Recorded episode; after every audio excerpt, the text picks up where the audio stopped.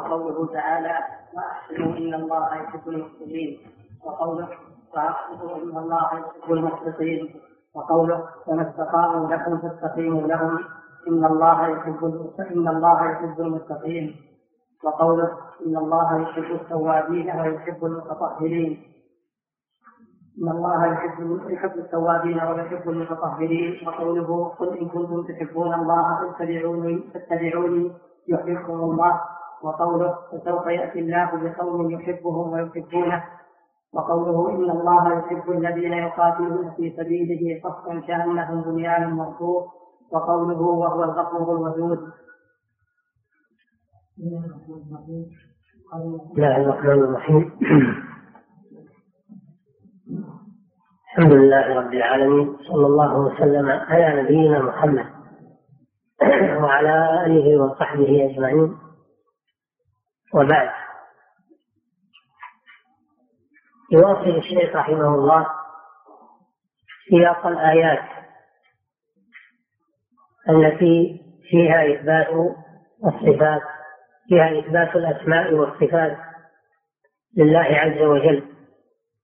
وقد تقدم جزء كبير منها وانتهى إلى لسياق الآيات التي فيها إثبات المحبة وإثبات المودة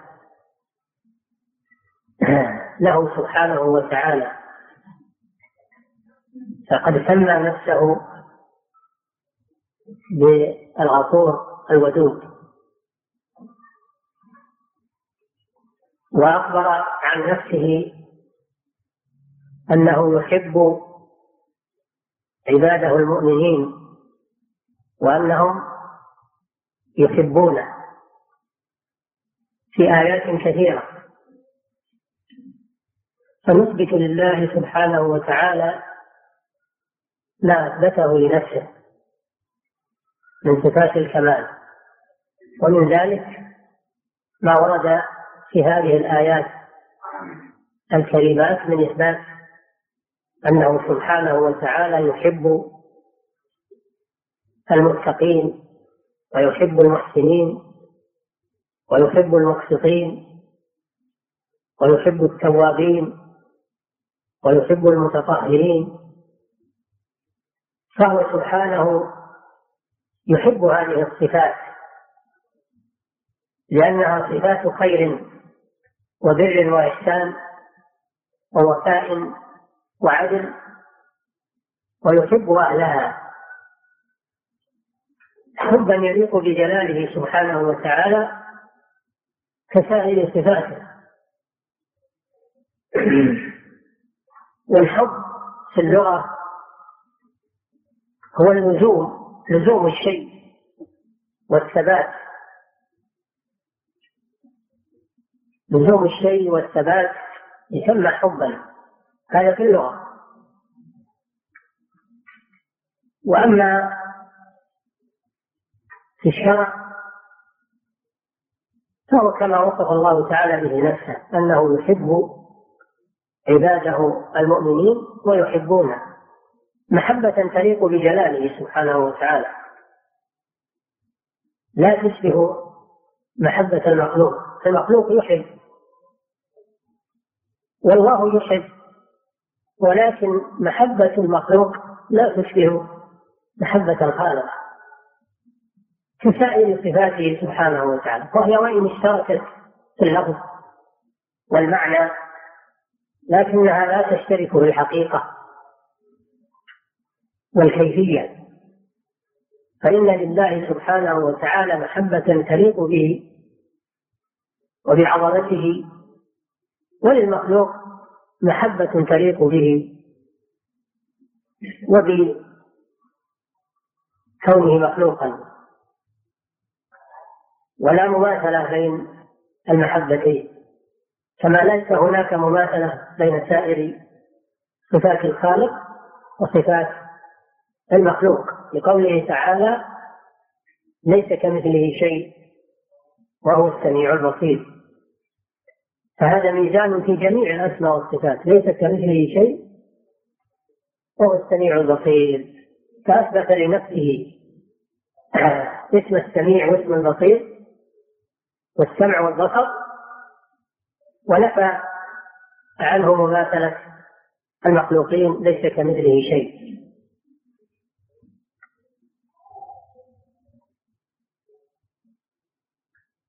والمحبة كما ذكر العلماء تتفاوت لها درجات عشر درجات. المحبة عشر درجات بعضها أقوى من بعض. أولها العلاقة.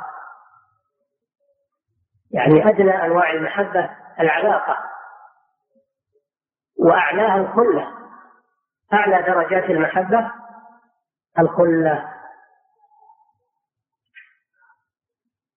والخلة خلة الله سبحانه وتعالى لم ينلها من البشر إلا اثنان فقط. محمد صلى الله عليه وسلم وإبراهيم عليه الصلاة والسلام. قال تعالى اتخذ الله إبراهيم خليلا.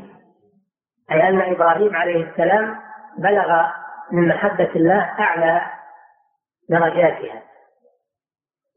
وكذلك النبي صلى الله عليه وسلم نبينا محمد صلى الله عليه وسلم نال هذه الدرجة. قال صلى الله عليه وسلم لو كنت متخذا من أهل الأرض خليلا لاتخذت أبا بكر خليلا. ولكن الله جل وعلا اتخذني خليلا كما اتخذ إبراهيم خليلا. ولذلك يقال الخليلان الخليلان. محمد صلى الله عليه وسلم وإبراهيم عليه الصلاة والسلام. أما المحبة غير الخلة فإن الله سبحانه وتعالى يحب جميع المؤمنين والمتقين والمحسنين والتوابين والمتطهرين. نالها كثير من عباد الله الصالحين. بقية درجات المحبة نالها كثير من عباد الله الصالحين هي مشتركة بين المؤمنين.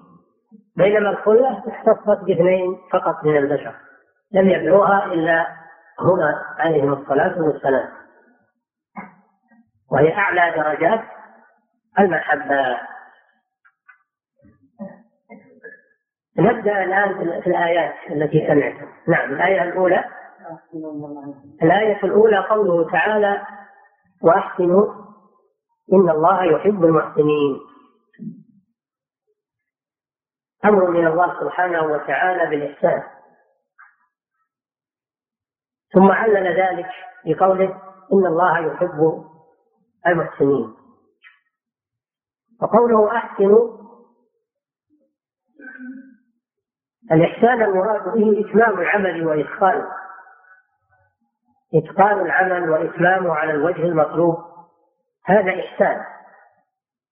وكذلك بذل النفع. بذل النفع للمحتاجين. هذا يسمى إحسان. وكل ما فيه نفع يتعدى إلى الغير فإنه إحسان. فالإحسان أنواع. أعلى الإحسان ما كان بين العبد وبين ربه. قال صلى الله عليه وسلم الإحسان أن تعبد الله كأنك تراه فإن لم تكن تراه فإنه يراك. هذا أعلى درجات الإيمان أو أعلى مراتب الإيمان أو أعلى مراتب الدين ككل لأن الدين ثلاث مراتب الإسلام وهو المرتبة الأولى ثم الإيمان وهو المرتبة الثانية ثم الإحسان وهو المرتبة الثالثة وهو أعلاها وقد فسره النبي صلى الله عليه وسلم لأنه أن تعبد الله كأنك تراه على اليقين. تعبده سبحانه على اليقين. كأنك ترى الله سبحانه وتعالى. فإن لم تكن تراه فإنه يراك. يعني إذا لم تبلغ هذه المرتبة ولم تستشعر هذه المرتبة فإن التي تليها أن تشعر بأن الله يراك. تشعر بأن الله يراك. فتتقن العمل. تفعل الخير. تترك الشر لأن الله يراك. دائما وأبدا. تستشعر هذا. من استشعر هذا الشعور فإنه يحسن العمل ويتمه ويتقنه ويتجنب ما يخل به أو يبطله. هذا الإحسان الذي بين العبد وبين ربه سبحانه وتعالى. الإحسان الذي بين العبد وبين الخلق هو بذل الخير لهم والرفق بهم من إطعام الجائع وكسوة العاري وإعانة المحتاج. هذا إحسان حتى مع الحيوان مع الحيوان أيضا. إذا رأيت حيوانا جائعا أو عطشان ثم أعلفته أو سقيته قد أحسنت إليه بل حتى عند ذبحه. ترفق به ترفق به ولا تعذبه عند الذبح. قال صلى الله عليه وسلم إن الله كتب الإحسان على كل شيء فإذا قتلتم فأحسنوا القتلة وإذا ذبحتم فأحسنوا الذبحة وليحد أحدكم شفرته وليرح ذبيحته إذا قتلتم أحدا من الناس لاستحقاقه القتل بقصاصة أو بجناية يستحق بها القتل فلا تعذبوه ولكن اقتلوه قتلا مريحا. إذا قتلتم فأحسنوا القتل. ولو كان القتيل يستحق القتل لا تقل إن هذا يستحق القتل ثم تفعل به أنواع التعذيب هذا لا يجوز. اقتله قتلة مريحة.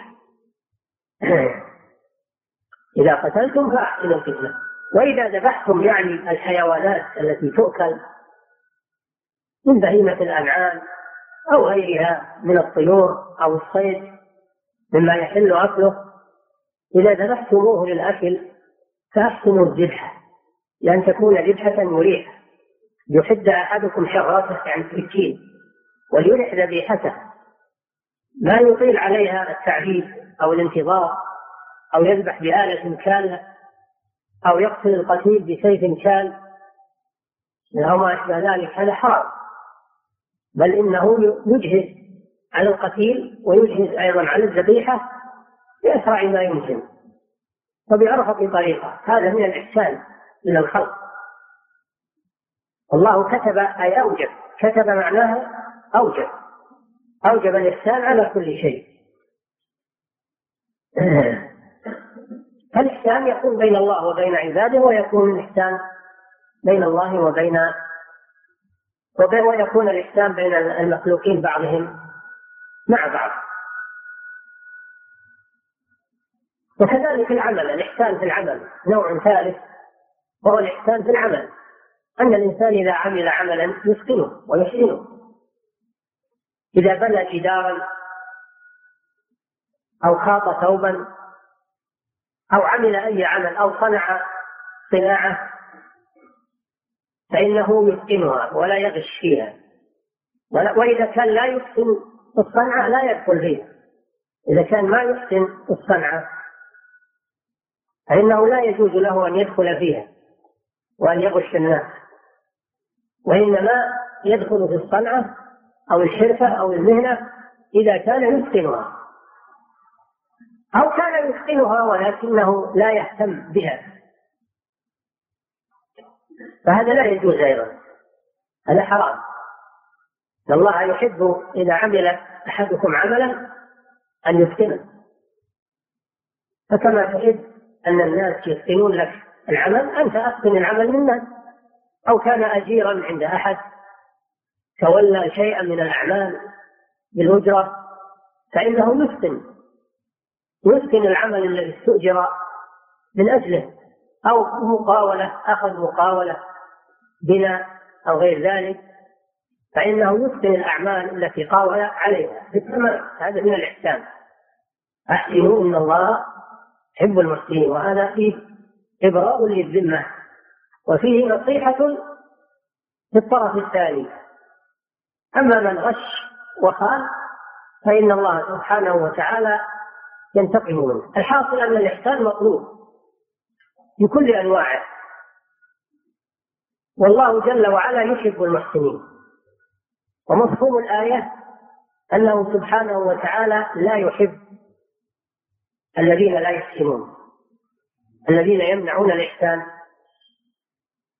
ويجعلون بدله الإساءة الله جل وعلا لا يحبهم. هذا مفهوم الآية الكريمة. والشاهد من الآية أن فيها إثبات أن الله يحب المحسنين. لأنه سبحانه وتعالى يحسن إلى عباده. ويحب الإحسان. ويحب المحسنين. فالإحسان صفة حميدة. وصفة كمال.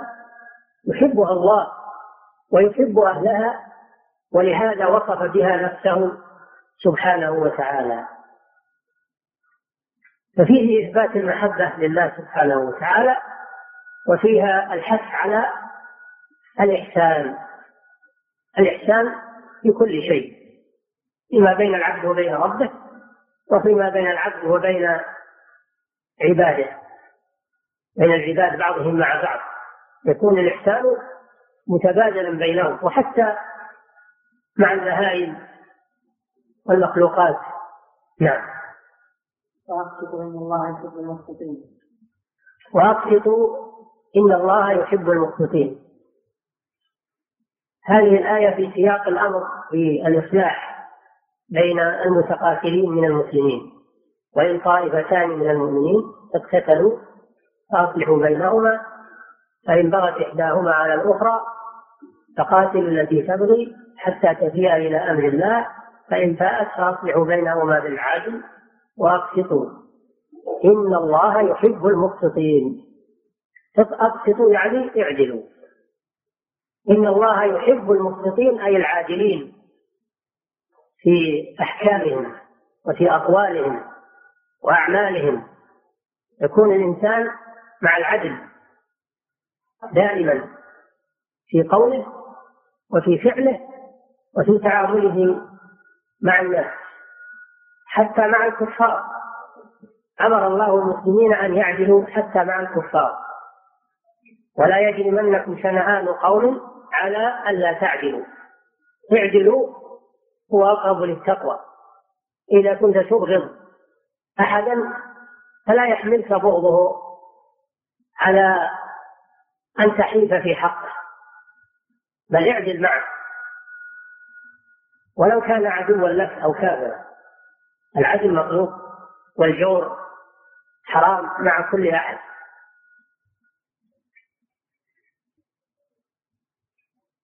ولهذا لما ذهب عبد الله بن رواحة رضي الله عنه أرسله النبي صلى الله عليه وسلم إلى خرق الثمار في خيبر أراد اليهود أن يرشوه أن يدفعوا له رشوة. فرفضها رضي الله عنه.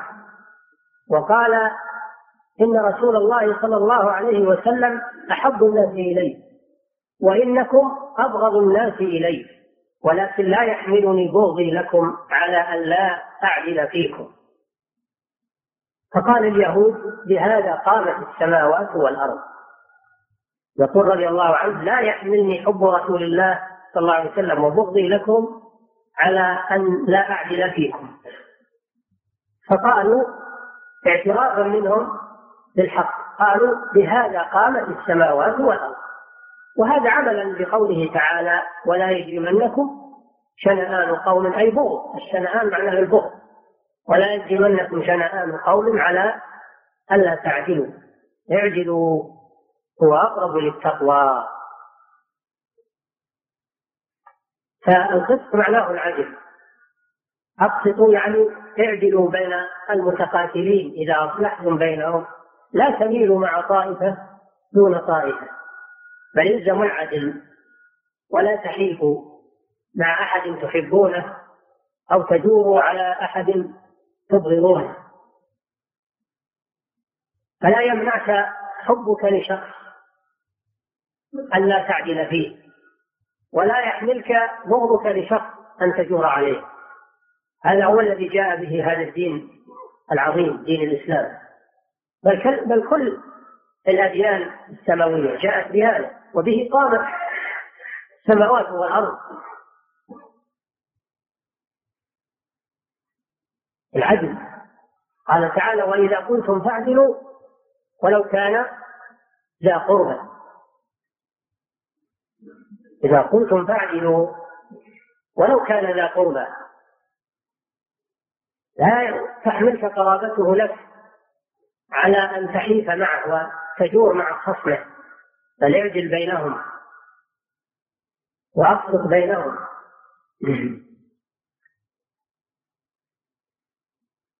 كونوا شهداء كونوا شهداء بالقسط كونوا شهداء لله. شهداء لله.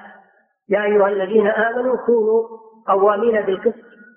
كونوا قوامين بالقسط شهداء لله ولو على أنفسكم أو الوالدين والأقربين. الشهادة لله ما هي لأجل أحد أو نفع أحد وإنما تقام من أجل العدل ولو كانت على النفس أو على قريب أو بل على أقرب الناس أو الوالدين أو الأقربين. كونوا قوامين لله شهداء بالقسط ولا يجرمنكم شنآن قوم على أن لا تعدلوا. اعدلوا هو أقرب للتقوى. وهنا يقول أقسطوا هذا أمر بالقسط. إن ثم علل ذلك بقوله إن الله يحب المقسطين أي العادلين. ومفهوم الآية أنه يبغض الجائرين مفهوم الآية الكريمة أنه يبغض أهل الجور والظلم والإجحاف. فأقسط الرباعي معناه العدل أقسط عدلا. أما قسط ثلاثي فمعناه فمعناه الجور قال تعالى وأما القاسطون فكانوا لجهنم حطبا. القاسطون أي الجائرون. فقسط ثلاثيا معناه جارا وهذا يبغضه الله سبحانه وتعالى. وأما أقسط الرباعي المزيد بالهمزة فمعناه عدل. والله يحب المقسطين. وفي الآية الكريمة إثبات المحبة لله سبحانه وتعالى وأنه يحب أهل هذه الصفة وهي العدل في أحكامهم وفي أقوالهم وفي أفعالهم والعدل هو التوسط بين الطرفين. طرفي النقيض لا إفراط ولا تفريط. توسط هذا هو العدل. وهو الذي قامت به السماوات والأرض. قامت بالعدل. وفي الآية من مفهومها أن الله يبغض الجائرين الذين يجورون في أحكامهم وفي أقوالهم في أفعالهم ويتبعون أهواءهم. ويميلون مع ما, ما تحبه أنفسهم وما يحبون ويتركون العدل. هؤلاء يبغضهم الله سبحانه وتعالى. نعم.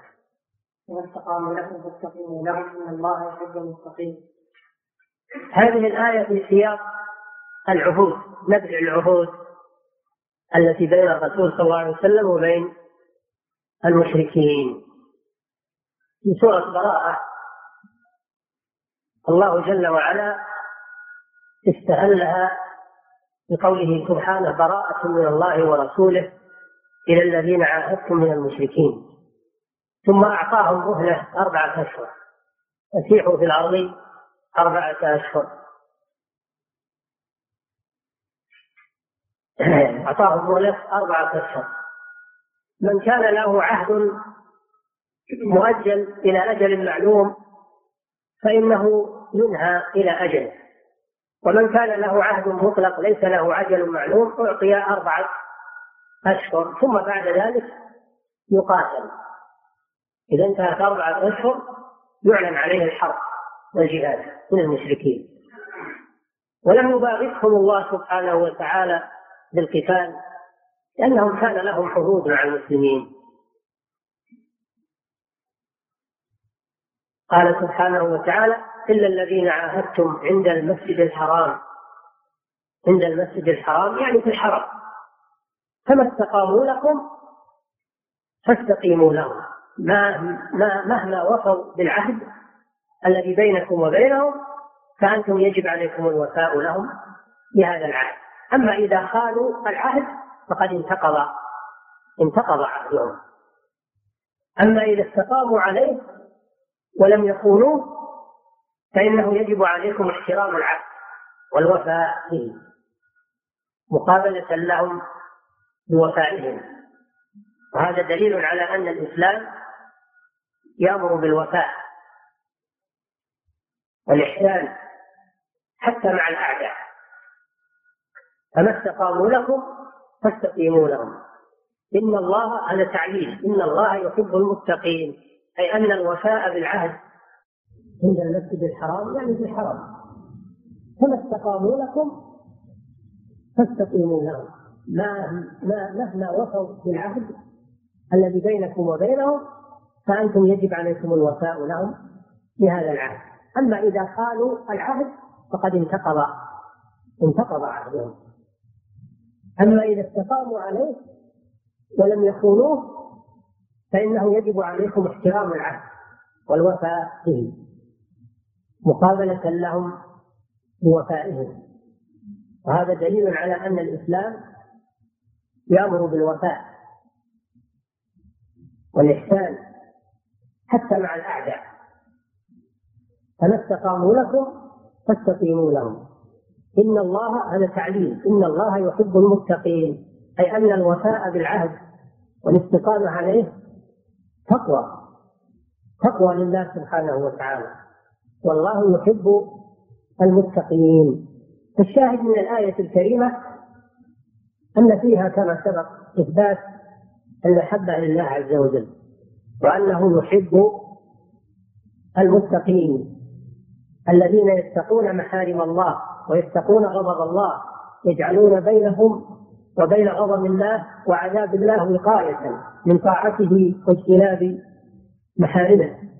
هؤلاء يحبهم الله. فدلت الآية الكريمة كمثيلاتها على إثبات المحبة لله وأنه يحب أهل التقوى والوفاء بالعهود حتى مع الأعداء والكفار. فما بالك بالعهد مع المؤمنين. فله أشد وأوثق.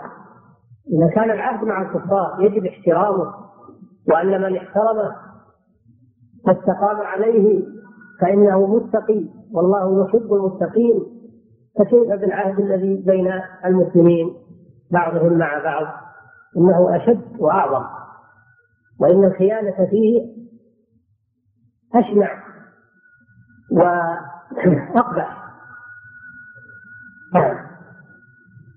إن الله يحب التوابين ويحب المتطهرين.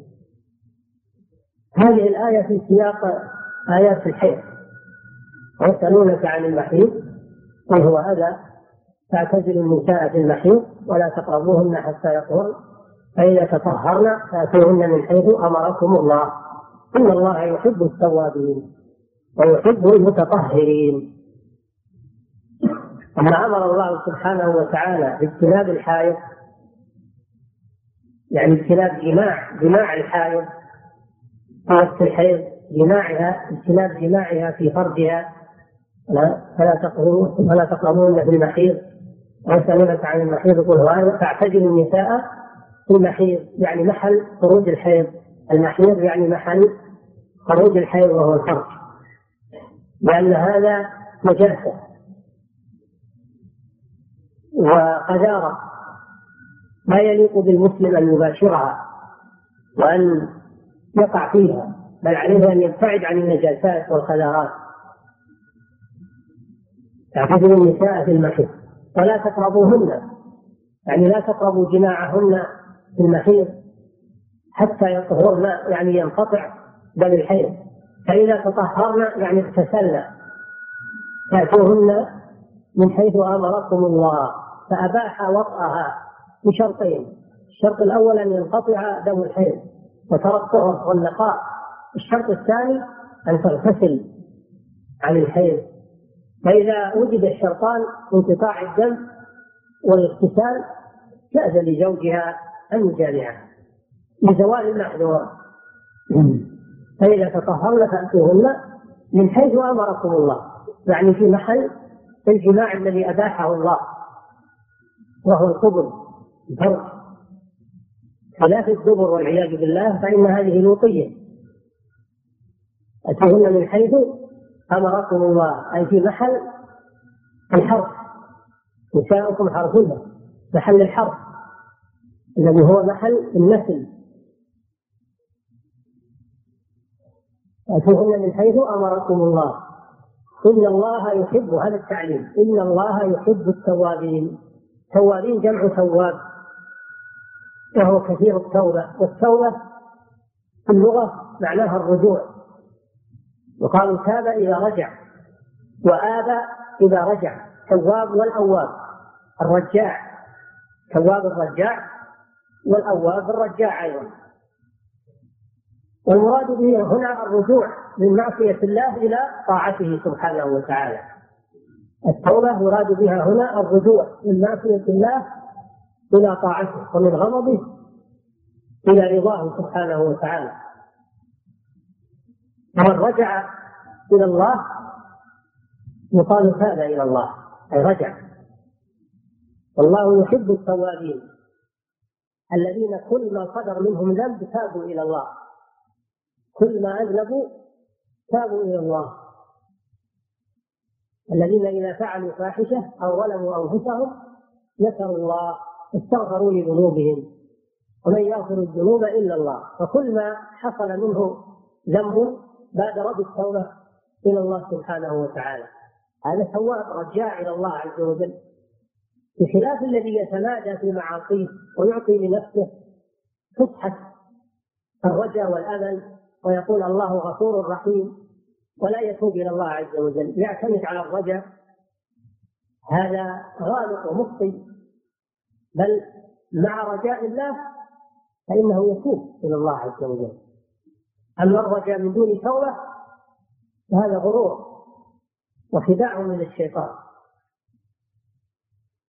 وكل ما أذنبوا تابوا إلى الله واستغفروا ورجعوا إلى ربهم. غفروا الله لذنوبهم. من يغفر الذنوب إلا الله.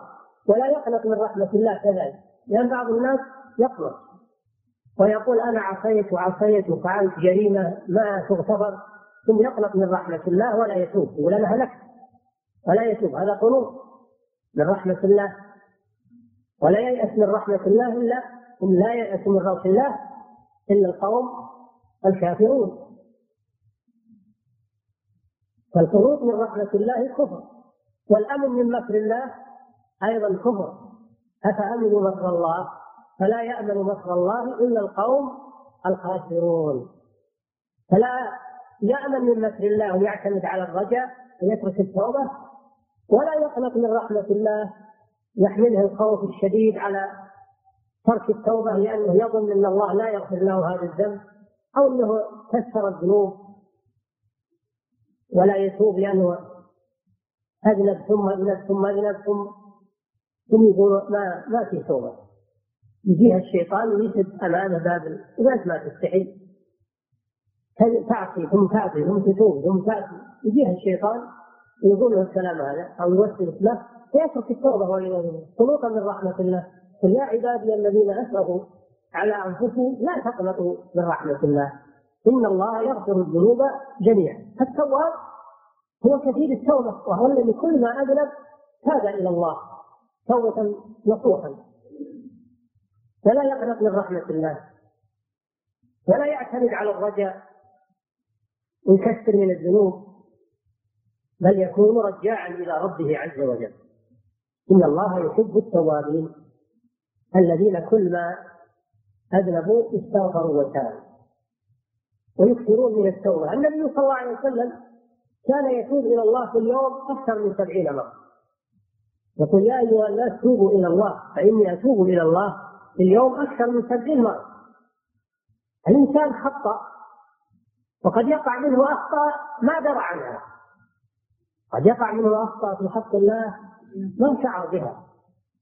فيتوب إلى الله ويكثر ولا يزكي يزكي نفسه يكثر من الاستغفار يكثر من التوبة في اليوم والليلة.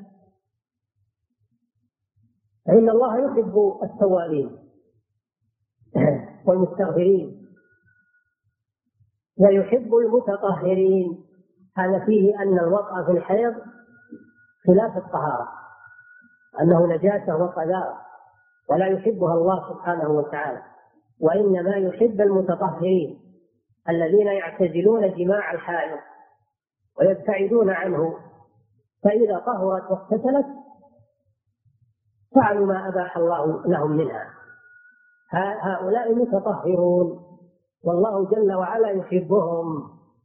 ففيها إثبات المحبة لله عز وجل وأنه يحب التوابين الذين يكثرون التوبة قولا وعملا ولا يزكون أنفسهم ولا يقنطون من رحمة الله ولا يعتمدون على جانب الرجاء ويفتحون المجال لأنفسهم في المعاصي كحالة المرجئة.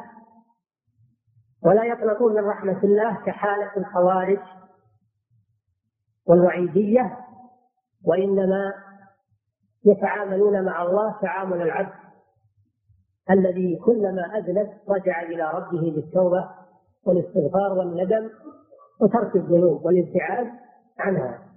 وكذلك الذين يتقيدون بشرع ما فإن الله حرم وطأ الحائض وأباحه عند اغتسالها وطهرها فهم يتقيدون بشرع الله عز وجل لأن هذا هو الطهارة التي يحبها الله سبحانه وتعالى.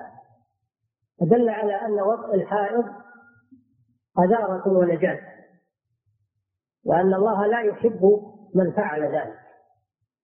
ولذلك وجبت الكفارة على من وطئ المرأة وهي حائض. ووجب عليه التوبة والاستغفار لأنه فعل ذنبا ومعصية لله عز وجل. نعم. الله الله. هذه آية الامتحان.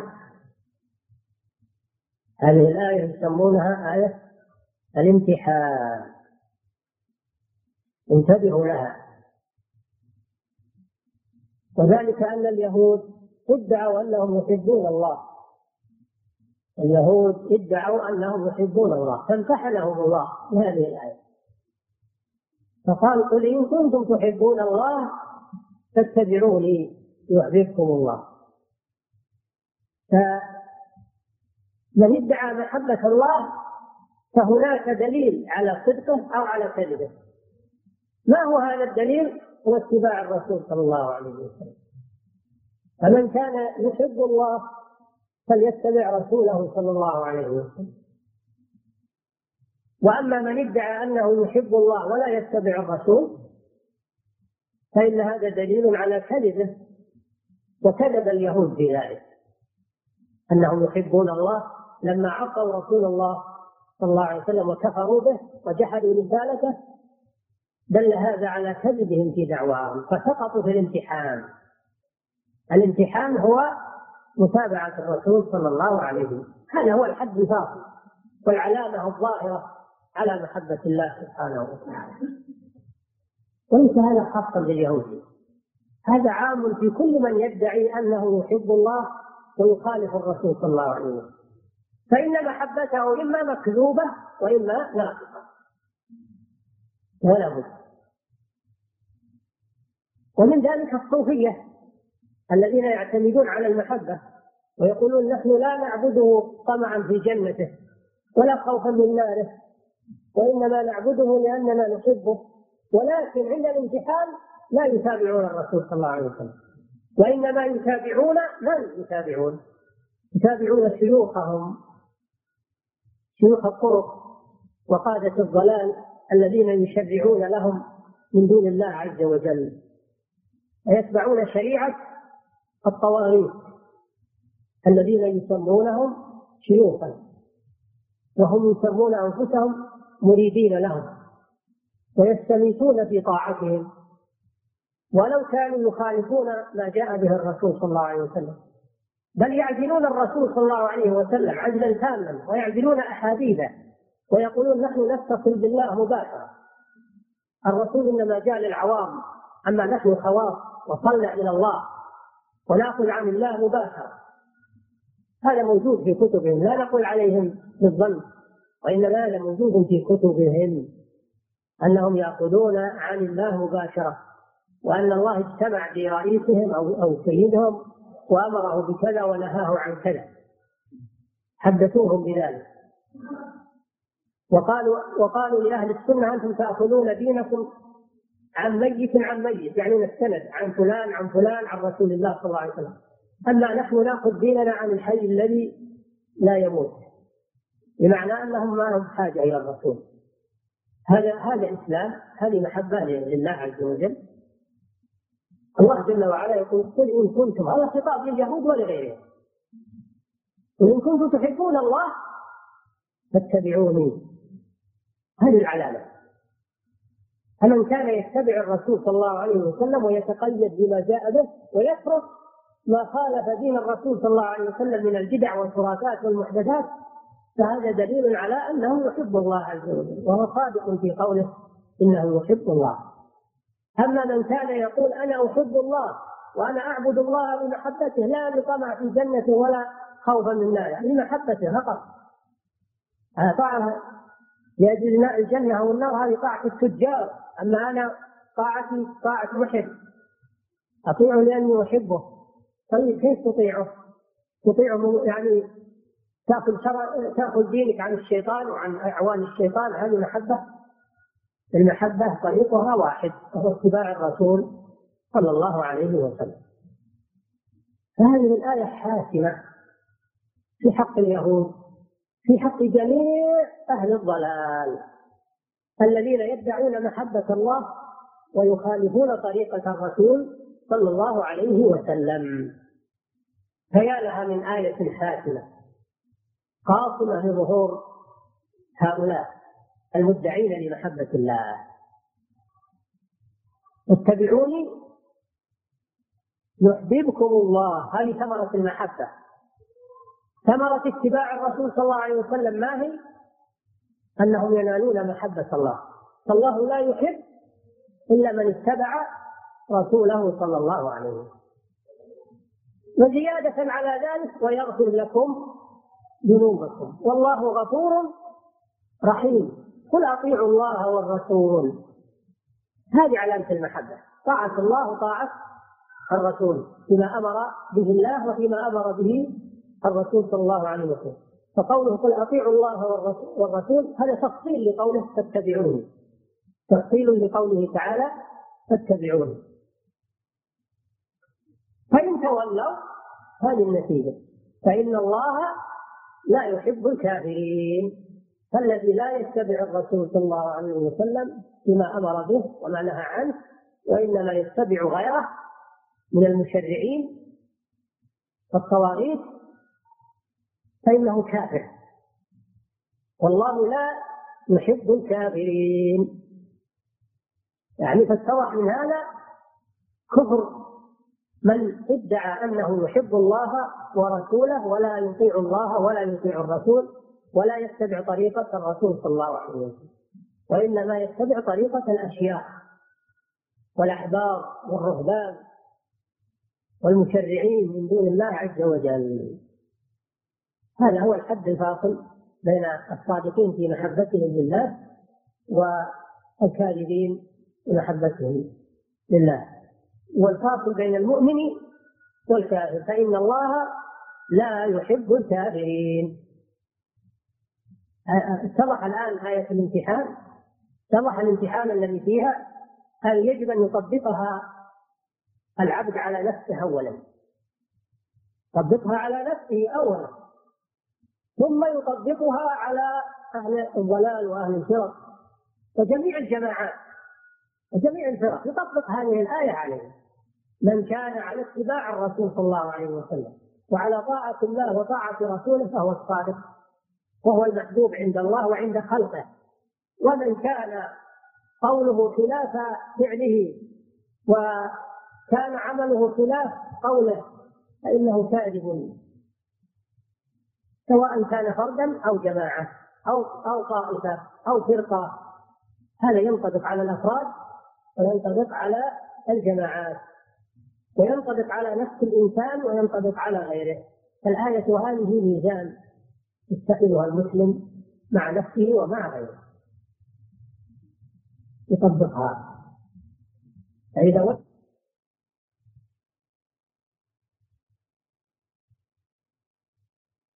أما من كان بخلاف ذلك فالدعاوى لا تقبل وإن كانت عريضة وكبيرة. نسأل الله أن يهدينا وإياكم وإخواننا المسلمين.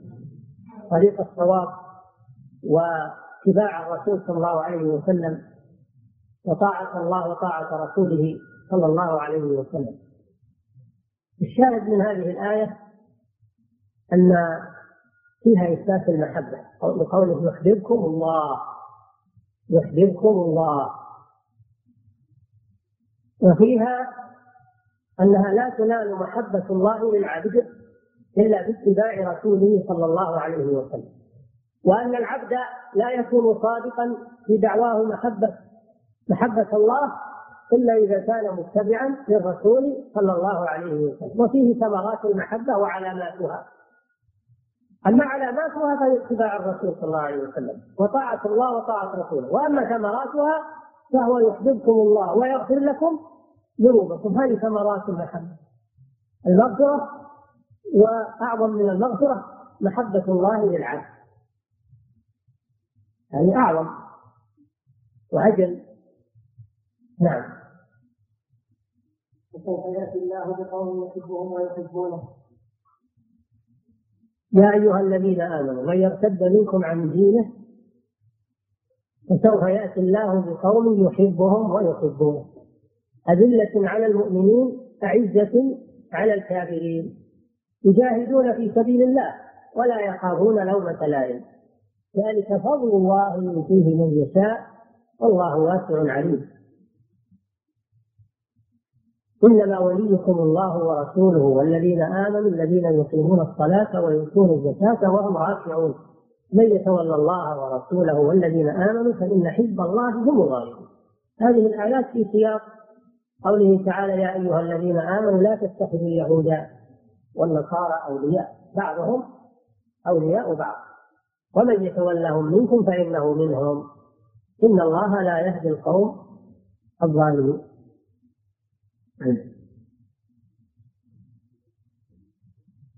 هذه في الولاء والبراء. في الولاء والبراء. لأن لأن المنافقين وسلم كانوا على علاقة مع اليهود. محبة علاقة محبة. أما العلاقة علاقة المعاملة ولا لا بأس بذلك. يكون هناك علاقة مع اليهود ومع الكفار بالمعاملة والبيع والشراء؟ هذا لا بأس. هذه مصالح تبادل مصالح لكن علاقة المحبة والموالاة القلوب هذا البلاء. لا تتخذوا اليهود والنصارى أولياء. أن تحبونهم وتناصرونهم وتدافعون عنهم بعضهم أولياء بعض. ومن يتولهم منكم فإنه منهم. إن الله لا يهدي القوم الظالمين. فترى الذين في قلوبهم مرض يعني المنافقين. يسارعون فيهم. أن يحبونهم ويوالون يقولون نخشى أن تصيبنا دائرة يقولون نخاف تغلب اليهود على المسلمين ويكون لنا عندهم يد. لو تغلبوا يعني ما عندهم حسن ظن بالله عز وجل. وأن الله سينصر رسوله وسينصر المسلمين. فهم يجعلون مع اليهود يد مع المسلمين يد. مذبذبين بين ذلك لا إلى هؤلاء ولا إلى هؤلاء. إن انتصر المسلمون فكنا معكم وإن انتصر الكفار قال كنا معكم وإنما كنا نخادع هؤلاء. وهذه حقيقتهم أنهم مع الكفار. يقولون نخشى أن تصيبنا دائرة. يصير الدائرة لليهود ينتصرون بعدين يصير لنا عندهم يد ونسلا من شره ما عندهم حسن ظن بالله عز وجل. أن تصيبنا دائرة فعسى الله أن يأتي بالفتح أو أمر من عنده فيصبحوا على ما أسروا في أنفسهم. لا هذا وعد من الله سبحانه وتعالى لعباده المؤمنين. لأن النصر والفتح سيكون له. لكن مع الصبر والثبات والانتظار عدم العجلة. الله جل يخلف وعده. لكن بعد الامتحان وبعد الصبر لابد من الامتحان والابتلاء حتى يتميز الصادق من الكاذب. ويقول الذين آمنوا أهؤلاء انكشفوا الآن. أهؤلاء الذين أقسموا بالله جهد أيمانهم إنهم لمعكم. حبطت أعمالهم فأصبحوا خاسرين. انكشفوا والعياذ بالله. إذا جاء النصر للمسلمين والفتح من الله انكشف هؤلاء واتضح أمرهم للمسلمين وافتضحوا. مع أنهم كانوا يحلفون إنهم مع المسلمين وأنهم وأنهم يحبون الرسول وأنهم نشهد انك لرسول الله وغير ذلك. ثم قال تعالى محذرا عبادة المؤمنين من فعل المنافقين. يا أيها الذين آمنوا من يرتد منكم عن دين سمى هذا ردة والعياذ سمى موالاة الكفار ردة عن دين الإسلام.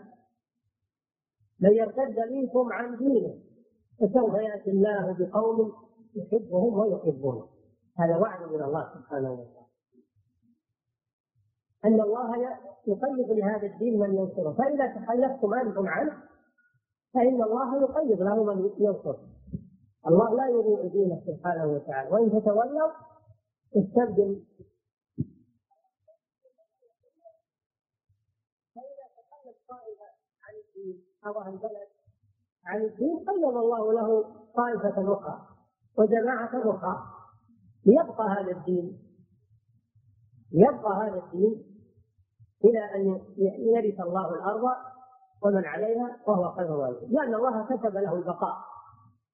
فلا بد أن يقيد له من يقوم به. فمن تخلى عنه إنما يضر نفسه. أما الدين فلا يتضرر أبدا. لأن الله سيقيم له من ينصره. في كل زمان وفي كل مكان. وسوف يأتي الله بقوم يحبهم. هذا الشاهد من الآية. يحبهم ويحبونه. أذلة على المؤمنين يعني يتواضعون مع المؤمنين ويدينون لهم ويرحمونهم ويعطفون عليهم. أعزة يعني أقوياء غلاظ على أعداء الله. لا يوالونهم. أعزة على الكافرين. يجاهدون في سبيل الله يقاتلون المرتدين. يقاتلون المرتدين. ويقاتلون الكفار. ولا يخافون لومة لائم ذلك فضل الله يؤتيه من يشاء. والله واسع عليم. فلهذا قال السلف إن هذه الآية نزلت في أبي بكر رضي الله عنه وأصحابه الذين قاتلوا أهل الردة. بعد وفاة الرسول صلى الله عليه وسلم. توفي الرسول صلى الله عليه وسلم ارتد كثير من العرب. وقالوا لو كان نبيا ما مات. ارتدوا عن دينهم والعياذ بالله. وانقسموا إلى قسمين. قسم اتبع المتنبئين الكذبه مثل مسيلمة والأسود العنسي وطليحة الأسدي والسجاح التميميه اتبعوا المتنبئين الكذبه وهؤلاء المتنبئون الكذبه منهم من قتل وهو كافر ومنهم من تاب إلى الله مثل طليحه تاب إلى الله وسجاع تميمية تابت إلى الله عز وجل. فمنهم من تاب ومنهم من قتل على ردته والعياذ بالله. هذا القسم الأول الذين اتبعوا المتنبئين الكذب واطاعوه وصدقوه والقسم الثاني الذين منعوا الزكاة وقالوا لا نؤديها إلا لرسول الله وقد توفي ما نؤديها لأبي بكر. الذي نؤدي إليه زكاة أموالنا توفي فليس علينا زكاة؟ عطلوا الركن الثالث من أركان الإسلام. ولهذا عزم الصديق رضي الله عنه على قتالهم وصمم. وقد حصل بينه وبين الصحابة مراجعة فيهم وصمم. وقال والله لو منعوني عناقا أو عقالا كانوا يؤدونه إلى رسول الله صلى الله عليه وسلم لقاتلتهم عليه وقال لأقاتلن من فرق بين الصلاة والزكاة. وقال إن رسول الله صلى الله عليه وسلم قال إلا بحقها وإن الزكاة من حقها يعني من حق لا إله إلا الله. من حق لا إله إلا الله. إلا بحقها. حتى يقولوها فإذا قالوها عصموا مني دماءهم وأموالهم إلا بحقها. وقال إن الزكاة من حق لا إله إلا الله. والله لا أقاتل الناس فلما رأى الصحابة رضي الله عنهم وفي مقدمتهم عمر بن الخطاب رأوا تصميم الصديق عرفوا أن الله أجرى الحق على لسانه. فوافقوه وأطاعوه وقاتلوا معه حتى قمع الله بهم المرتدين وأعاد للإسلام قوته وهيبته. ولهذا موقف الصديق رضي الله عنه من أعظم المواقف. له مواقف كثيرة منها هذا الموقف العظيم رضي الله تعالى عنه. موقفه مع الرسول صلى الله عليه وسلم في مكة وموقفه مع الرسول صلى الله عليه وسلم في المدينة وموقفه بعد الرسول في حالة موقفه لما توفي الرسول عند البيعة اختلاف الصحابة عند ذلك. ثبت حتى تمت البيعة ثم موقفه مع المرتدين رضي الله تعالى عنه. مواقف عظيمة لم يقفها إلا هو رضي الله عنه. لكن الشاهد منها هو ما نحن فيه الآن. وسوف يأتي الله بقوم يحبهم ويحبونه. وقد صدق وعد الله في, أبي بكر الصديق وغيره. وهذا وعد من الله مستمر إلى أن تقوم الساعة. كل ما حصل عدة يقيم الله من يصنعها من أهل الإيمان والصدق واليقين. كل ما حصل انتكاسة عن الدين يقيد الله من يرفع راية هذا الدين ويناصره في كل زمان ومكان إلى أن يرث الله الأرض ومن عليها لأن الله كتب له البقاء. فلا بد أن أن يبقى كما أمر الله. قال تعالى إنا نحن نزلنا الذكر وإنا له لحافظون. فهذا وعد من الله سبحانه وتعالى. الشاهد من الآية قوله تعالى يحبهم ويحبونه. فيها إثبات أن الله يحب عباده المتقين الثابتين على الدين المجاهدين في سبيل الله عز وجل عندما يحصل الارتياب والانتكاس فإن الله يقيد لهذا الدين رجالا يثبتون. على هذا الدين وينافسون عنه ويجاهدون في سبيله. وهذا حصل ولله الحمد على مدار التاريخ. من عهد أبي بكر إلى عهدنا وإلى ما يشاء الله. يقيد الله لهذا الدين رجالا يقومون بنصرته والدفاع عنه وبيانه للناس ولو لقوا من الناس ما يلقون من السخرية ومن التخذيل ومن ومن إلى آخره. بل من الحرب والقتال. هذا الدين لابد يظهر ولابد ينتصر. رغم ألوف الجاحدين والكافرين والمعاندين الشاهد من الآية قوله تعالى يحبهم ويحبونه. فيها إثبات أن الله يحب المتقين وأن المتقين يحبون الله جل وعلا. كما سبق في الآيات التي قبلها. نعم. إن الله يحب الذين يقاتلون في سبيله صفا كأنهم بنيان مرصوص هذه الآية من سورة الصف.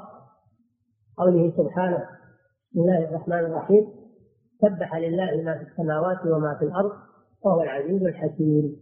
يا أيها الذين آمنوا لم تقولون ما لا تفعلون؟ إن الله يحب الذين يقاتلون في سبيله صفا كأنهم بنيان مرصوص. وذلك أن بعض الصحابة قالوا لو نعلم أحب الأعمال إلى الله لفعلناه. لو نعلم أحب الأعمال إلى الله لفعلنا. فقال الله تعالى إن الله يحب الذين يقاتلون في سبيله إذا كنتم تحبون آه، تريدون أحب الأعمال إلى الله فهو الجهاد في سبيل الله. فافعلوا الجهاد.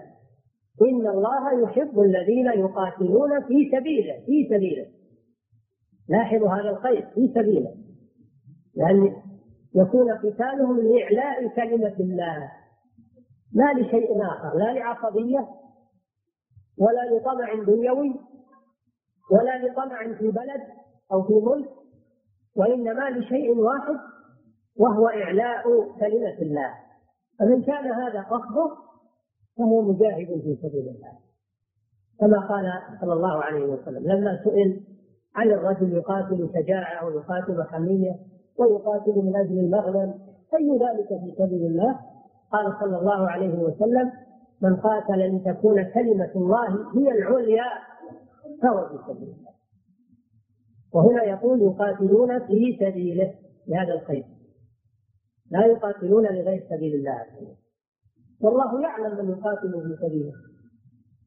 لا يخفى عليه شيء سبحانه وتعالى. ولو قال الناس أو قال الإنسان أنا أقاتل في سبيل الله؟ وهو غير صادق الله يعلم ما في قلبه. يقاتلون في سبيله صفا كأنهم بنيان مرصوص يلتحمون في الصف أمام العدو هذا فيه مشروعية صف المجاهدين والمقاتلين. وكان النبي صلى الله عليه وسلم ينظم أصحابه صفوفا كأنهم بنيان مرصوص يثبتون لا ينهزمون أمام العدو.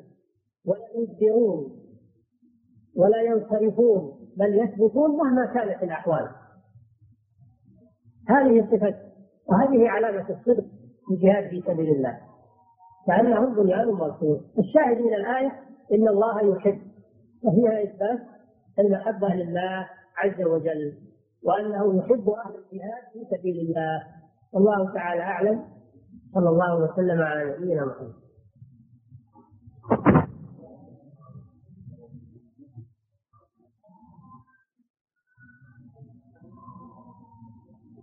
نعم.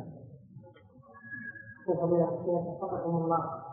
هل ذكر العلم ضمن الدرجات العشر للمحبة فإذا كان ذلك صحيحا فهل قول إنما عدا كله فإن بقية درجات المحبة نالها كثير من عباد الله الصالحين؟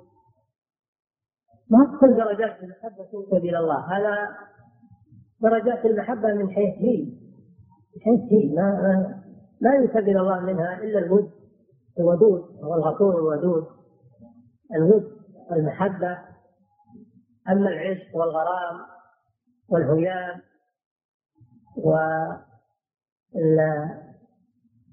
والعلاقة والتتيم وما أشبه ذلك هذه لا تنسب إلى الله سبحانه وتعالى.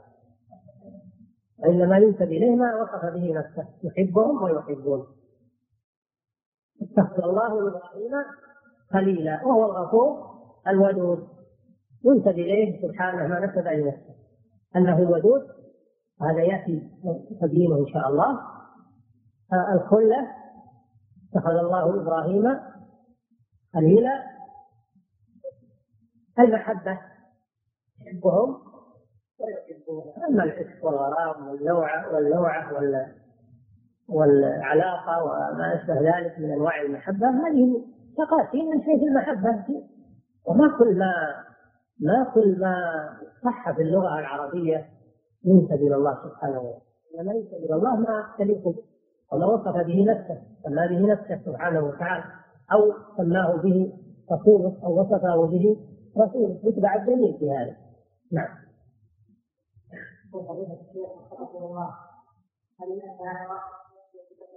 هل الله تعليله من هذه الصفات الجهمية ينفون المحبة. يقولون إن الله لا يحب أحدا ولا يحبه أحد. وكذلك من اتبعهم في هذا يقولون إن الحب لا يكون إلا لغرض كالأشاعرة. لا يكون إلا لغرض. فهو لمناسبه ولا مناسبة بين الله وبين خلقه. والله لا يفعل لأغراض كما يقولون. وينفون الحكمة في افعال الله جل وعلا. هذا كله ضلال ولا يجوز. ومردود على الاشاعره وعلى غيرهم غرضهم من هذا الدخول الجهمية يقولون أن المحبة لا تكون إلا لمناسبة بين المحبوب والمحب. ولا مناسبة بين الله وخلقه.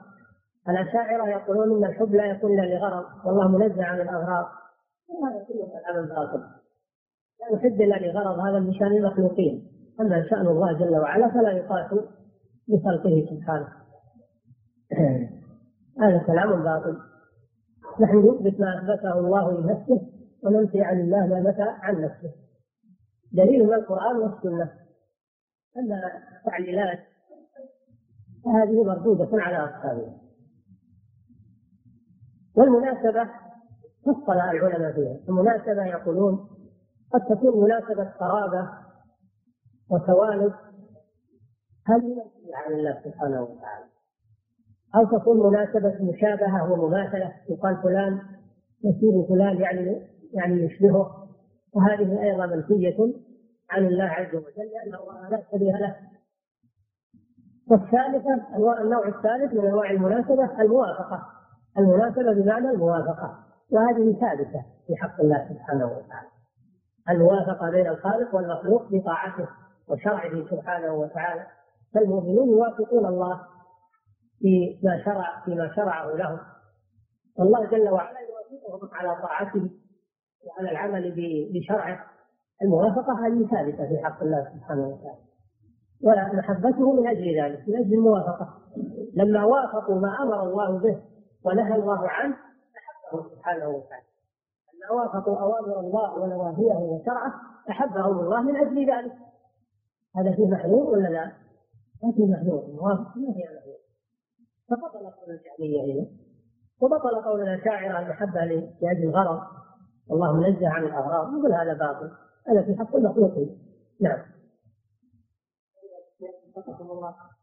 الفرق بين كون العبد يستشعر أنه يرى الله عند عبادته.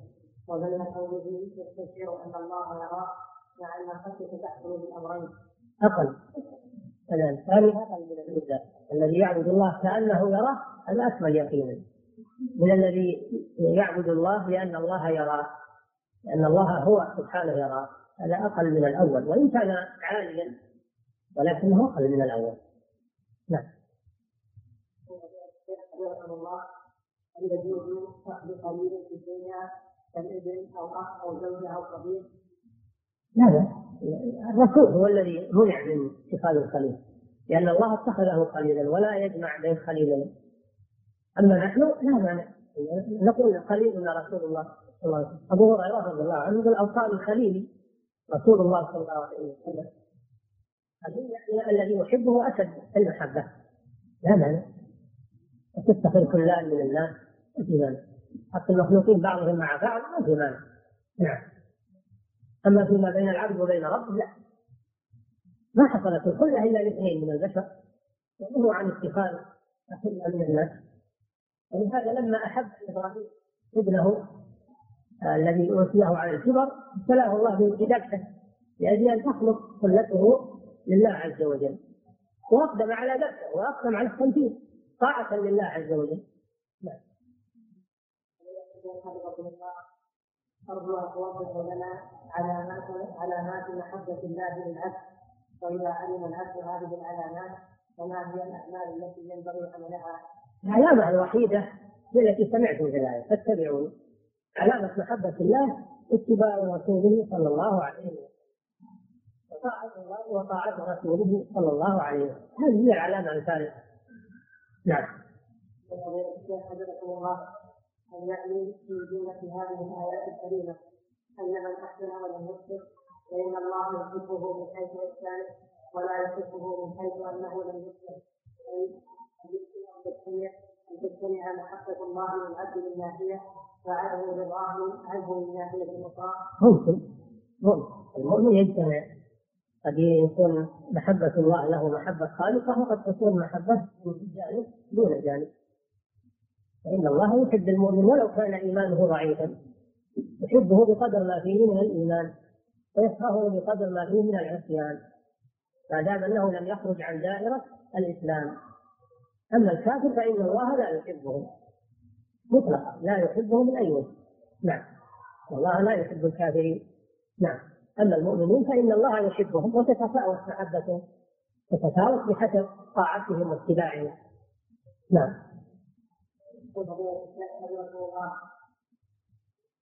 لماذا يقدم التوبة على الطهارة في قوله تعالى إن الله يحب التوابين ويحب المتطهرين؟ نعم التوبة لأنها آخر. التوبة إلى الله لأنها آخر والتطهر تابع للتوبة. فإذا تاب تطهر. إذا تاب تطهر. وإذا وقع في شيء من الذنوب وقع في شيء من النجاسة. نعم. فضيلة الشيخ حفظكم الله. ما كفارة وقت الحائط. كما جاء في الحديث دينار أو نصفه. يعني مثقال من الذهب مثقال من الذهب أو نصف مثقال من الذهب أو ما يعادل قيمته من النقود. نعم. وفضيلة الشيخ حفظكم الله. ثبت عن النبي صلى الله عليه وسلم من حديث عائشة رضي الله عنها فيما رواه الشيخان. قالت ويأمرني فأستجب فيباشرني وأنا حائض فأرجو فضيلتكم بيان ذلك. هذا سبق في شرح الحديث في البلوغ وقلنا أن المحرم من الحائض هو الجماع في الفرج. الله تعالى يقول فاعتزلوا النساء في المحيض يعني مخرج الحيض وهو الفرج. أما المباشرة في غير الفرج فلا مانع من ذلك وقد كان النبي صلى الله عليه وسلم يفعله مع نسائه إلا أنه يأمرها بالاستجار وما عدا ما فوق السره وتحت الركبه فإن الرسول صلى الله عليه وسلم يباشره من زوجته وهي حائض وذلك خلافا لليهود الذين يتشددون في أمر الحائض فلا يقربونها مطلقا ولا يأكلون ما طبخت ولا ما ولا يلبسون ما غسلت ولا ما لمست. تشدد والعياذ بالله. الإسلام دين العدالة فهو توسط فلا يجيز الجماع والتلبس بالقلارة ولا يتشدد فيمنع من مقاربة الحائض ومجالستها ومضاجعتها كما تفعل اليهود ويعتزلونها كليا كما يفعلون الإسلام وسط ولله الحمد. نعم. وفضيلة الشيخ حفظكم الله من عمل عملا ولم يتقن أن يعطيه أن يعطيه أجرا كاملا وإن لم تكن مثله هواكم الله تعطونه وما تحاسبون على النقص حاسبوه هذا حق لكم. كما يفعلون. الإسلام وسط ولله الحمد. نعم. يقول فضيلة الشيخ حفظكم الله. من عمل عملا ولم يتقن هل يعطيه هل يعطيه أجرا كاملا وإن لم تكن مهنته؟ هواكم الله تعطونه انه تحاسبون على النقص حاسبوه هذا حق لكم. نعم. فضيلة الشيخ حفظكم الله يذكر الفقهاء رحمة الله عليهم أن القيء نجس وذلك بسبب الاستحالة. فهل هناك فهل هناك دليل آخر غير الاستحالة؟ وما هو صحيح في القيء؟ يقف على الغائط على الغائط الغائط لما كان مستحيلا من الغذاء صار نجسا. وكلاهما خارج من الجوف الغائط ولا والاستغراق. كلاهما خارج من الجوف ومن المعدة. فهو من باب القياس باب القياس على الغاية. نعم. وهو الصحيح الصحيح أن الخير أن الخير يفسد الوضوء. وكذلك إذا تعمد الإنسان الخير وهو قائم يبطل صومه أما إذا إذا لم يتعمد خرج الخير بغير اختياره فهذا لا يؤثر على صيامه. نعم. الله تعالى أعلم وصلى الله وسلم على نبينا محمد.